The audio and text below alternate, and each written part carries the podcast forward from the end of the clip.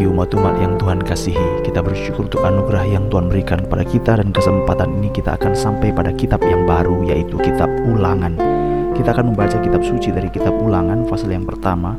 Sebenarnya fokus kita adalah hanya ayat yang pertama Namun pada pembacaan ini supaya kita dapat membaca bagian kitab suci Kita akan baca ayat 1 sampai ayat yang kelima. Ulangan pasal 1 ayat 1 sampai yang kelima. Demikianlah firman Tuhan Inilah perkataan-perkataan yang diucapkan Musa kepada seluruh orang Israel di seberang sungai Yordan, di padang gurun di Araba Yordan, di tentangan Suf antara Paran dengan Tofel, Laban, Hazerot, dan di Zahab. Sebelas hari perjalanan jauhnya dari Horeb sampai Kades Barnea melalui jalan pegunungan Seir pada tanggal 1 bulan 11 tahun ke-40 berbicaralah Musa kepada orang Israel sesuai dengan segala yang diperintahkan Tuhan kepadanya demi mereka. Setelah ia memukul kalah Sihon, raja orang Amori yang diam di Hesibon, dan Ok, raja negeri Basan yang diam di Asitarot dekat Edrei di seberang sungai Yordan di tanah Moab. Mulailah Musa menguraikan hukum Taurat ini. Sampai di sini pembacaan kitab suci.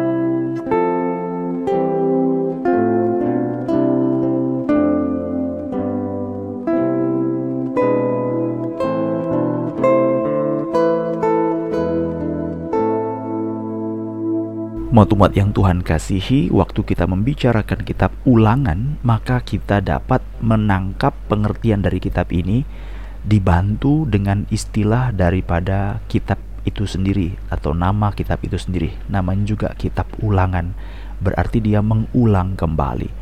Nah, pada waktu kita memahami kitab ulangan, apa sih yang diulang? Yang diulang itu adalah apa yang telah pernah diberikan Tuhan atau peristiwa yang pernah terjadi pada waktu bangsa Israel keluar dari tanah Mesir dalam perjalanan mereka ke tanah perjanjian. Cara pengulangan ini bukanlah pengulangan peristiwanya, tetapi diulang kembali berdasarkan perkataan-perkataan daripada Musa. Nah, itulah sebabnya pada waktu kita membaca kitab Ulangan, maka kalimat pertama itu dibuka dengan istilah inilah perkataan-perkataan. Jadi kalau kita baca dalam ulangan pasal 1 ayat 1, inilah perkataan-perkataan yang diucapkan Musa. Jadi bukan peristiwanya yang diulang. Jadi kalau misalnya orang Israel dulu pernah kehausan, bukan sekarang haus lagi, diulang lagi. Dulu mereka lapar dan sekarang diulang lagi. Bukan peristiwanya yang diulang, tapi perkataan-perkataan yang mengulangkan kembali apa yang pernah terjadi dahulu dan itu dikatakan oleh Musa. Nah, menjadi pertanyaan untuk apa perkataan ini diulang dan kemudian kepada siapa perkataan ini disampaikan? Apakah ini disampaikan pada orang Israel? Ya, tentu ini orang Israel, tetapi mengkaitkan dengan kitab Bilangan bahwa dalam kitab Bilangan kan ada dua generasi jadi generasi pertama adalah generasi yang dari Mesir lalu mereka mati di padang gurun. Generasi yang kedua adalah generasi yang lahir di padang gurun lalu mereka lah yang akan masuk tanah perjanjian. Jadi waktu Musa mengulang lagi kalimat-kalimat atau perkataan-perkataan ini mengenai peristiwa yang pernah terjadi, maka pendengarnya itu adalah generasi yang lebih baru jadi kalau saudara pernah mendengarkan beberapa kali yang lalu kita berbicara bahwa selama 38 tahun bangsa Israel berputar-putar di padang gurun, sedikit sekali catatan Alkitab atau peristiwa-peristiwa yang disebut sebagai kesaksian hidup bagi kita sekarang sebagai kesaksian hidup. Kenapa miskin? Karena pada waktu itu mereka berputar-putar sehingga pekerjaan-pekerjaan yang mulia, pekerjaan yang agung, hal-hal yang sangat indah dari anugerah Tuhan itu lebih banyak dialami, dicatat pada masa generasi pertama. Tetapi pada masa generasi kedua tidak banyak. Nanti generasi kedua itu baru muncul itu setelah bilangan pasal 20 Lalu pasal 26 mereka dicatat lagi, dicacah lagi, disensus lagi.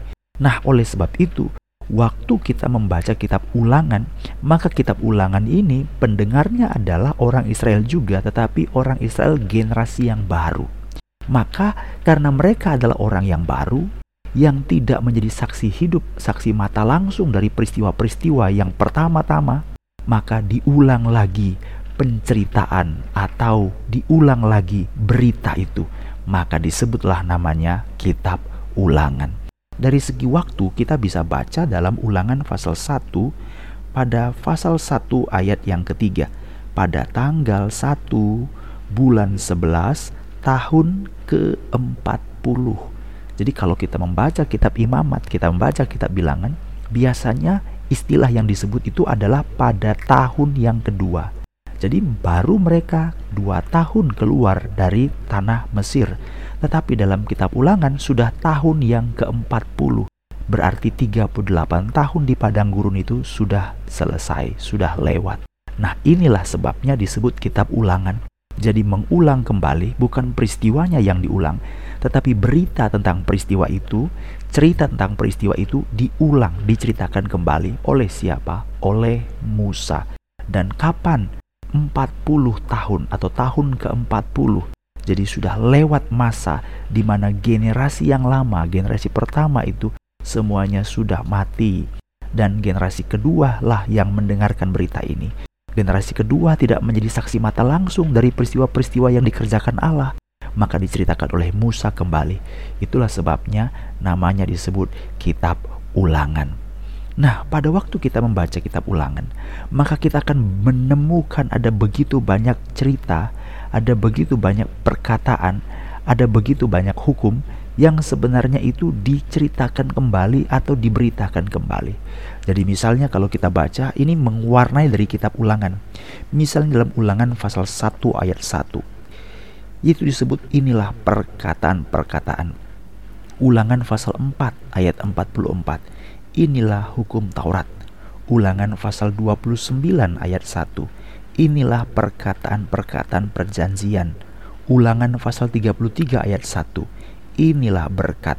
Jadi ini merupakan review lagi. Ini merupakan tarik lagi apa yang sudah terjadi di masa lampau mengenai perkataan, cerita, peristiwa, mengenai hukum Taurat yang pernah diberikan Allah diceritakan lagi, lalu kemudian mengenai perjanjian yang dibuat Allah bersama dengan umat Israel diceritakan lagi, dikatakan lagi, diungkapkan lagi.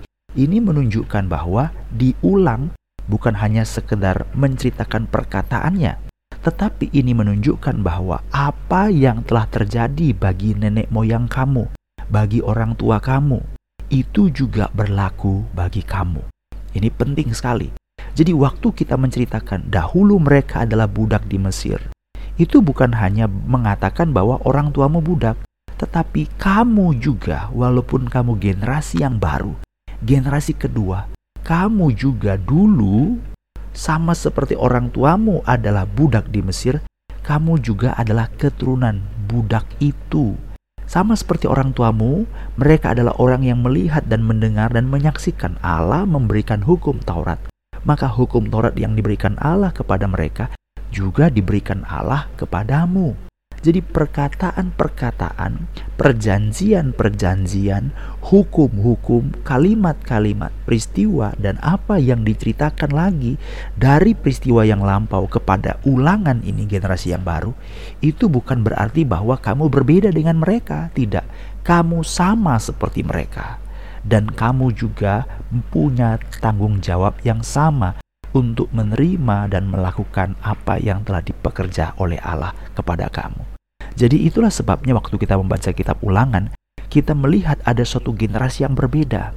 Ada generasi yang lama, tapi dalam kitab ulangan generasi yang baru. Tahun yang ke-40. Namun walaupun demikian, walaupun peristiwanya tidak diulang, walaupun kejadiannya tidak terjadi lagi, tetapi peristiwa itu artinya hukumnya, perjanjiannya juga berlaku untuk kamu. Inilah waktu kita membaca kitab ulangan. Seringkali kita merasa bahwa apa yang terjadi dahulu harus terjadi sekarang. Belum tentu. Mujizat yang terjadi dahulu harus terjadi sekarang. Belum tentu. Jawaban doa yang terjadi dahulu harus terjadi sekarang. Belum tentu. Tetapi apa yang menjadi kesaksian pada masa yang lalu, peristiwa pada yang masa yang lalu, itu menjadi peringatan kesaksian perkataan yang berlaku bagi kita sekarang ini. Nah itulah sebabnya kita membaca kitab ulangan, maka kita tahu ada waktunya, ada saatnya perkara-perkara yang masa lampau, perbuatan-perbuatan ajaib pada masa lampau itu terjadi tetapi tidak akan terulang lagi. Namun walaupun demikian, itu tetap berlaku bagi kita sekarang ini, kitab ulangan. Jangan semena-mena, jangan semata-mata melupakan apa yang telah dikerjakan dan disampaikan oleh Allah. Apa yang diberikan Allah itu tetap berlaku bagi kita sampai sekarang ini. Oleh sebab itu, penting untuk kita ketahui, ini firman Allah yang tidak pernah berubah. Perkataannya yang tetap berlaku untuk selama-lamanya. Yang ketiga, kita ketahui sifat daripada generasi. Walaupun generasinya berbeda, generasi pertama semua sudah mati di padang gurun. Generasi kedua sekarang sudah dipersiapkan untuk masuk ke tanah perjanjian. Tapi kenapa perkataan kitab ulangan ini muncul kepada generasi yang kedua ini? Apakah karena mereka perlu mendengarkan berita yang baru? Apakah karena mereka perlu mengetahui bahwa mereka adalah orang-orang yang dituntut tanggung jawab yang sama seperti orang-orang tua mereka? Betul, dua hal itu. Tetapi ada hal yang ketiga, sama seperti orang tuamu gagal karena kedegilan hati mereka, karena mereka tegar tengkuk, kamu pun sebenarnya memiliki hal yang sama, degil hati dan tegar tengkuk. Hal itu sebenarnya nanti akan muncul dalam kitab ulangan. Peringatan-peringatan oleh Musa, sama seperti mereka tegar tengkuk, kamu pun tegar tengkuk. Sama seperti mereka degil, kamu pun degil.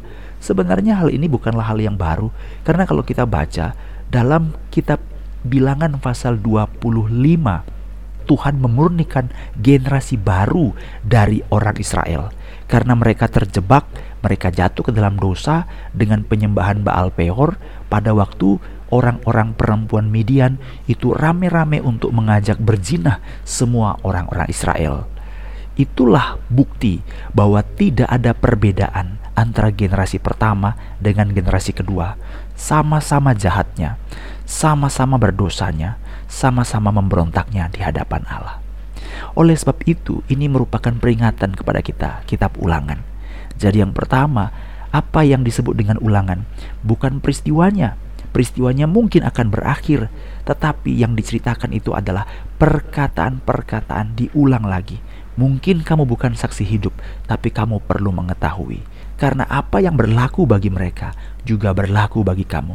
Tuntutan bagi generasi pertama adalah tuntutan juga bagi generasi yang kedua. Yang ketiga, sama seperti kejahatan yang terjadi pada generasi yang pertama. Generasi kedua pun punya kejahatan yang sama. Itu sebabnya saudara-saudara, lihatlah firman Allah terus-menerus akan bersuara. Supaya apa? Supaya manusia sadar bahwa kita pun adalah orang-orang yang tegar tengkuk dan degil hati. Itu sebabnya pada waktu Yosua diangkat untuk menggantikan Musa dalam bilangan pasal 27 ayat 19. Tuhan berkata tiga hal kepada Musa. Yang pertama letakkan tanganmu di atasnya. Yang kedua dia berkata berikan kewibawaanmu kepada dia. Yang ketiga satu hal yang tidak kalah dan lakukan sampaikan perintah perintahmu berilah perintahmu kepadanya.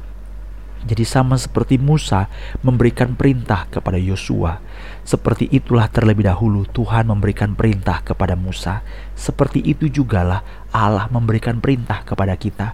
Seperti itu jugalah kitab ulangan diceritakan kembali sebagai perkataan-perkataan untuk menyampaikan firman Allah kepada kita.